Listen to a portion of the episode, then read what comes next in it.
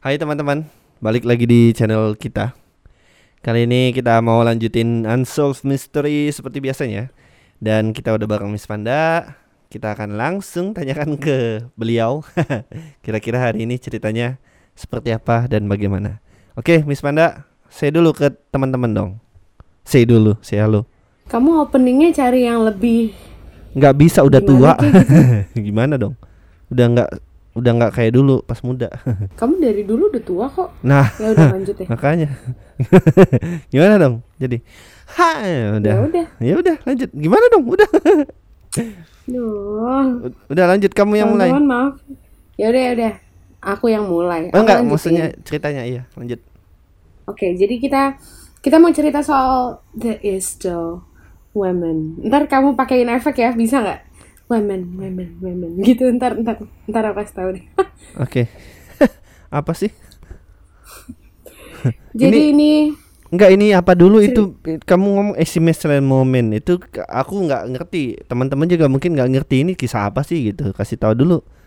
The apa Is Still Woman. Ini ada sebuah adalah sebuah julukan yang diberikan oleh masyarakat sekitar kepada seorang wanita yang ditemukan terbunuh secara Oh. misterius. oh sama Kenapa kayak dinamakan unsolved mystery? Karena memang tidak eh, terselesaikan sampai sekarang. oh sama kayak the black dahlia murder Apaan sih kan The Black Dahlia Murder? iya enggak Ya, itu kan sama kayak kasusnya The Black Dahlia. Iya, iya maksudnya itu julukannya setelah dia ya kan iya, iya Ya, benar-benar. oke oke lanjut oke teman-teman siapkan telinga kalian Nah, si Isdal ini, Isdal ini adalah nama sebuah kota di dekat eh, Bergen di eh, Norwegia. Dan kejadiannya ini pada tanggal 29 November 1970. Jadi ada satu keluarga yang sedang melakukan hiking pada hari Minggu di lembah itu, lembah Isdalen itu.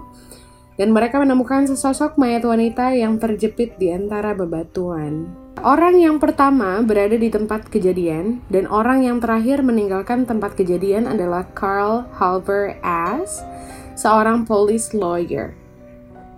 Dia ingat bahwa hal pertama yang ia ketahui adalah bau yang kuat dari daging yang terbakar, tapi dia cuma nyium aja dia nggak telusurin gitu. Dia kira orang ada yang barbekyuan. Sampai akhirnya si keluarga ini menemukan mayat tersebut secara tidak sengaja. Kondisi dari mayatnya sendiri mengalami luka bakar yang parah dan lengannya berada dalam posisi seperti petinju. Ini tuh katanya sih kalau misalkan eh, ada orang yang meninggal karena terbakar, biasanya saking kakunya posisinya begitu katanya. Rata-rata, maksudnya kebanyakan kasus seperti itu. Seluruh bagian depan tubuhnya, termasuk wajahnya, terbakar hingga tidak dapat dikenali. Namun anehnya, bagian belakang tubuhnya sama sekali tidak terbakar. Jadi depannya itu kebakar semua, sementara bagian belakangnya nggak ada yang kebakar gitu. Aman?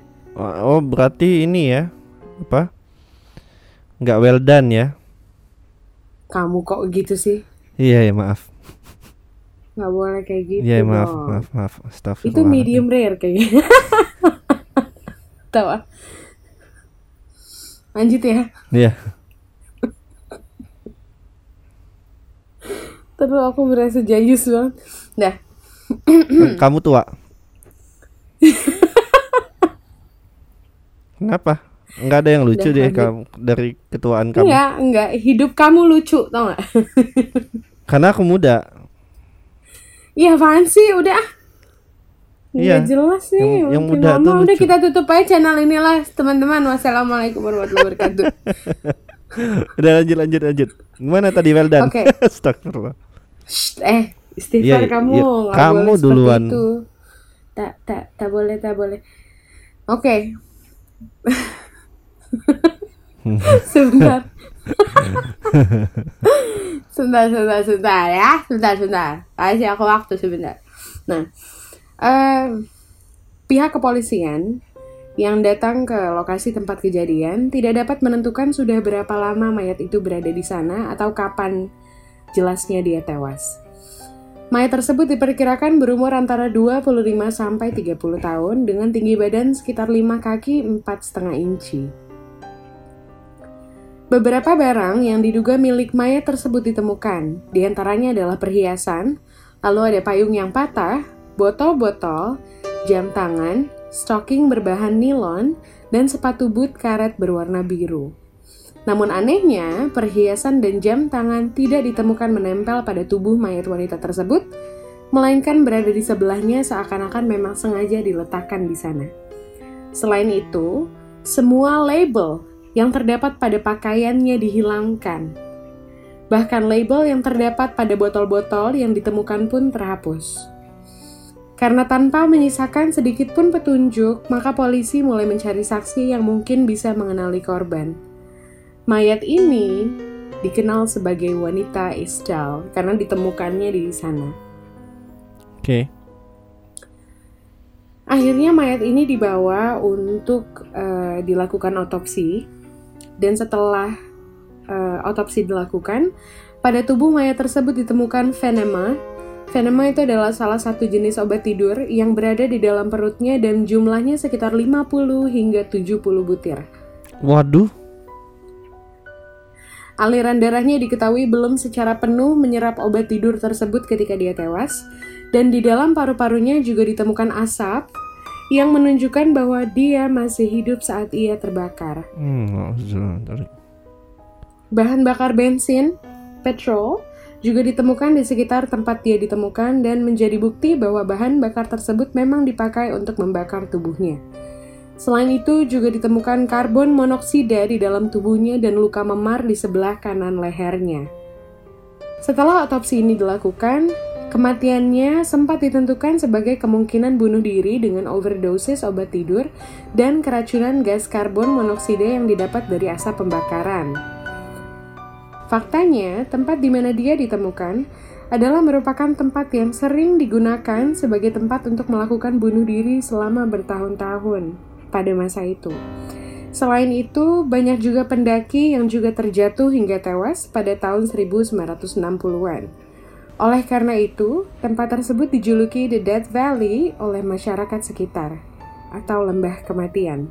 Oh, udah banyak yang tewas ya di situ ya? Meninggal ya? Iya, karena karena tempat tersebut tuh sangat terpencil, terus sangat sulit juga untuk dijangkau dan secara pasti bukan rute yang tempat untuk melakukan hiking. Jadi cukup mustahil jika wanita tersebut memang melakukan bunuh diri di sana. Soalnya agak susah untuk mencapai ke situ. Tapi yang aku bingungin dari informasi yang aku dapat ini adalah kenapa bisa satu keluarga itu pergi hiking kalau gitu? Maksudnya untuk rute yang katanya Sulit. susah. Uh -uh. Kenapa ajak satu keluarga untuk ke sana gitu? Ya gak sih? Dan kalau misalkan pun memang the Isdal woman ini bunuh diri, kan udah jelas nih, maksudnya udah enak nih meninggalnya meninggal karena tidur misalkan ya, dia overdoses misalkan lalu dia meninggalnya begitu. Tapi kenapa dia udah misalkan dia bunuh diri dia nenggak segitu banyak pil tapi kenapa dia ngebakar dirinya sendiri juga gitu kan? I iya ya itu sih nggak nggak make sense ya. Balik dulu ke kenapa orang uh, satu keluarga malah hiking di tempat yang katanya sulit ya kan? Itu kan Betul. pertanyaannya kan. Kalau aku kalau aku bilang ya manusia gimana sih? Orang disuruh jangan ke sana malah ke sana ya kan? Ngerti nggak? Justru mereka oh ya, mungkin kayak kayak nyari adrenalin iya iya betul gitu betul ya? betul jadi memang makin cari oh, mana nih kita udah pernah yang ini nih kita coba cari yang lebih sulit yang paling sulit. Nah gitulah mungkin itu lah alasan kenapa uh-huh. orang malah hiking ke tempat yang sulit untuk hiking gitu. Nah tapi kalau balik lagi ke yang si cewek itu ini udah memang nggak masuk akal menurut aku. Karena gimana orang nenggak obat tidur 70 butir tapi dia masih sempat membakar diri dan lain-lain gitu. Ya enggak sih? Iya, Maksudnya itu bener. kuat banget tuh orang gitu. Ya kan? Lanjut. Oke oke, kita lanjut lah ya. Polisi menemukan beberapa petunjuk setelah itu. Petunjuk pertama adalah ditemukannya dua buah koper yang ditemukan di stasiun kereta api di Bergen tiga hari setelah mayat wanita itu ditemukan. Di dalam koper tersebut ditemukan sebuah kacamata dengan sidik jari yang terdapat pada lensa kacamata tersebut. Dan sidik jari tersebut melupakan milik mayat wanita itu. Di dalam koper yang sama juga terdapat barang-barang seperti pakaian, lalu ada wig, ada sisir, peralatan makeup, sejumlah uang Jerman dan Norwegia, dan uang koin dari Belgia, Swiss, dan Inggris. Ada juga satu tube krim eczema yang label resepnya sudah dihilangkan, yang juga ditemukan di dalam koper. Jadi kalau udah dihilangin itu kan biasanya kalau kita dikasih resep obat dari dokter biasa ada nama pasien Ya, ya betul. dan lain-lain gitu ya informasi yang berkaitan dengan eh, data diri si orang yang bersangkutan gitu. Cuma itu hilang. Dari barang-barang tersebut nampaknya sulit untuk didapat informasi mengenai siapa mayat wanita itu. Namun ada sebuah buku catatan yang di dalamnya terdapat kode yang ditulis dengan tinta berwarna biru yang bisa menjadi sebuah petunjuk. Nih teman-teman, eh, ini kita kasih lihat fotonya kayak begini. Nanti aku akan bahas lebih lanjut maksudnya apa gitu berdasarkan keterangan polisi ya. Oke. Nah, Petunjuk yang kedua adalah sebuah kantong plastik yang berasal dari sebuah toko sepatu yang berada sekitar 130 mil eh, dari lokasi kejadian, tepatnya di daerah Stavanger di Norwegia. Anak dari pemilik toko ter sepatu tersebut yang bernama Rolf Rolfet mengaku menjual sepatu boot berwarna biru pada seorang wanita sekitar tiga minggu sebelumnya. Dan sepatu tersebut cocok dengan sepatu boot yang ditemukan di tempat di mana mayat wanita itu ditemukan. Jadi kayak itu sepatu boot yang dibeli dari toko sepatu itu. Hmm. Oke, Rothfeld sempat mendeskripsikan penampilan perempuan tersebut dengan teliti.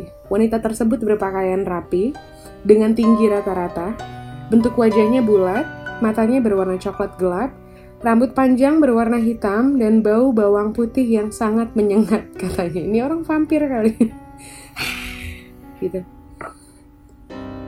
Hmm? Halo? Iya, oke.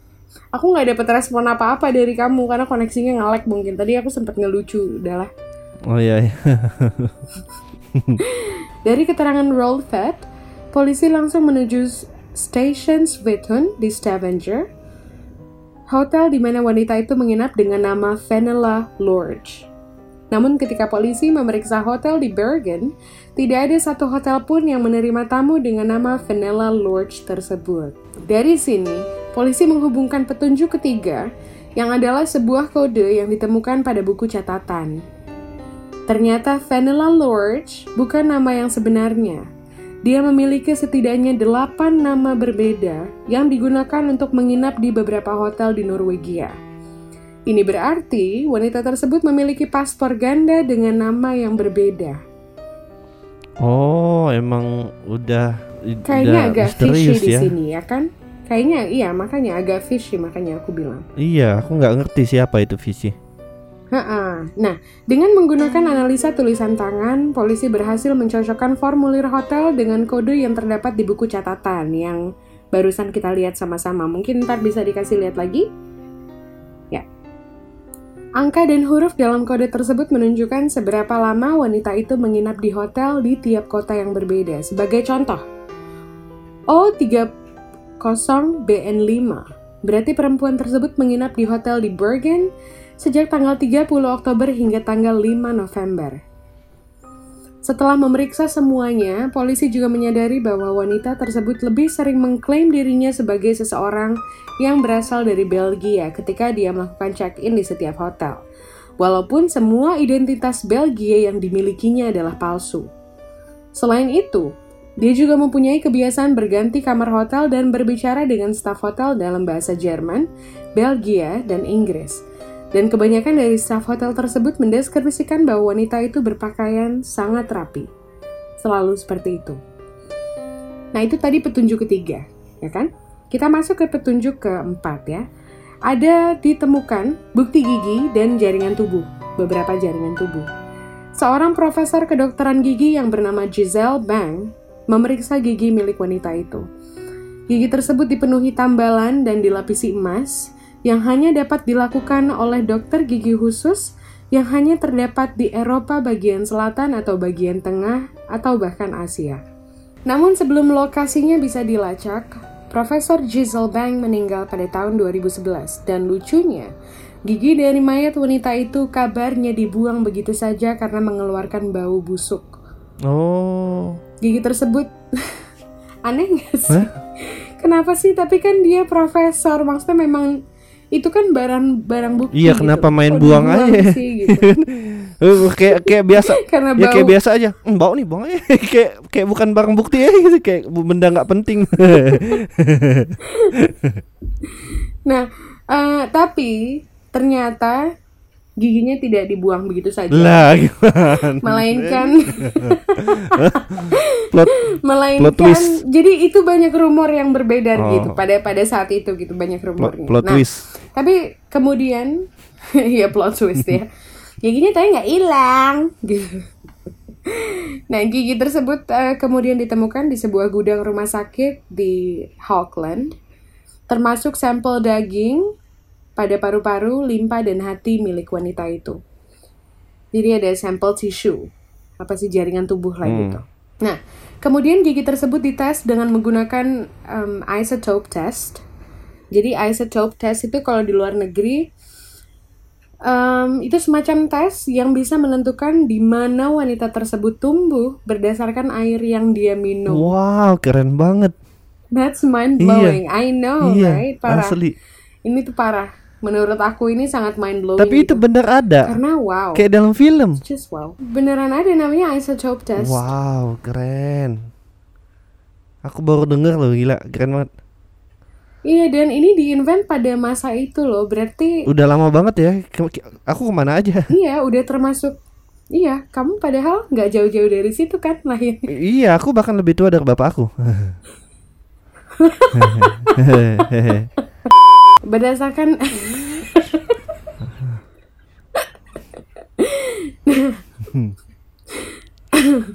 Sebentar. Aku bisa lihat kamu senyum di situ. Gimana kamu lihat aku? Iya iya iya iya. Nah ya lanjut ya. Mm-mm. Nah em, berdasarkan tes ini, sebentar. Kenapa sih? Enggak, aku lucu. Aku tuh Gimana kok orang tuh ya kalau kita ketawa orang lain yang lucu berarti. Ini kamu bilang kamu yang ketawa terus kamu bilang enggak aku lucu. Gimana sih kamu ngetawain diri sendiri berarti? bukan maksudnya aku ngelihat kamu tuh lucu. Nah, Ah udah, ah, udah nggak seru lagi. Oke. udah. Nah, nah, aduh gatal punduk. nah. Emang kamu hontak punya punduk? Buat nyimpen makanan. Enggak ah.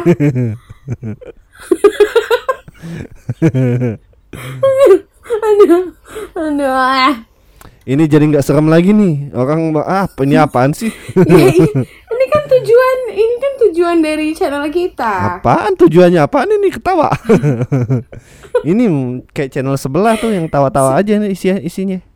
Enggak. Oh, tahu aku yang komentar doang ya. Enggak tahu sih bukan itu sih maksudnya.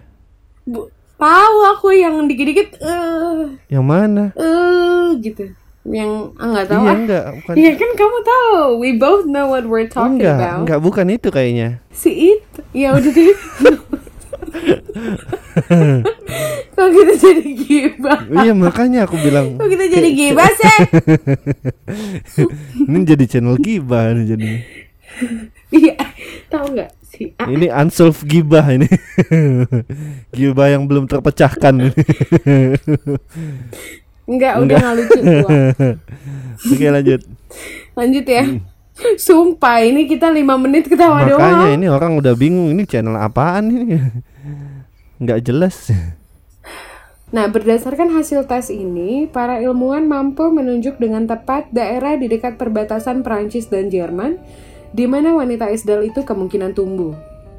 Tes DNA mengungkap bahwa wanita Isdal ini juga merupakan keturunan Eropa, mungkin juga dari Amerika Utara, meskipun bahasa Inggris yang dia gunakan tidak terlalu fasih.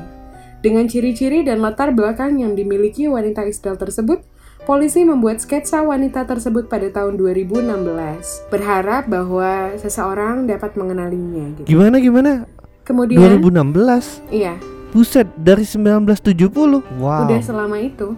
Wow. Nah, kemudian em, satu tahun setelahnya, pada bulan Mei 2017, ada sebuah black notice atau semacam warning lah gitu atau himbauan yang dikirim melalui Interpol beserta hasil tes DNA milik wanita Isdal ini berharap mereka bisa menemukan petunjuk baru. Banyak orang yang berpikir bahwa wanita Isdal itu adalah seorang mata-mata atau seorang spy ya, buktinya karena kan dia punya Iya, paspor iya, ganda. betul, betul. Nah, secara jelas kasus ini terbilang cukup aneh, tapi faktor eksternal seperti uh, perang dingin atau the Cold War yang sedang berlangsung pada saat itu memunculkan spekulasi bahwa wanita Isdal tersebut memang seorang mata-mata. Hmm. Norwegia pada masa itu juga merupakan tempat pelarian bagi mata-mata dari Rusia dan agen Mossad dari Israel hanya tiga tahun setelah kematian wanita Isdal ini. Bahkan empat orang agen Mossad sempat di- diinterogasi berkenaan dengan wanita Isdal itu.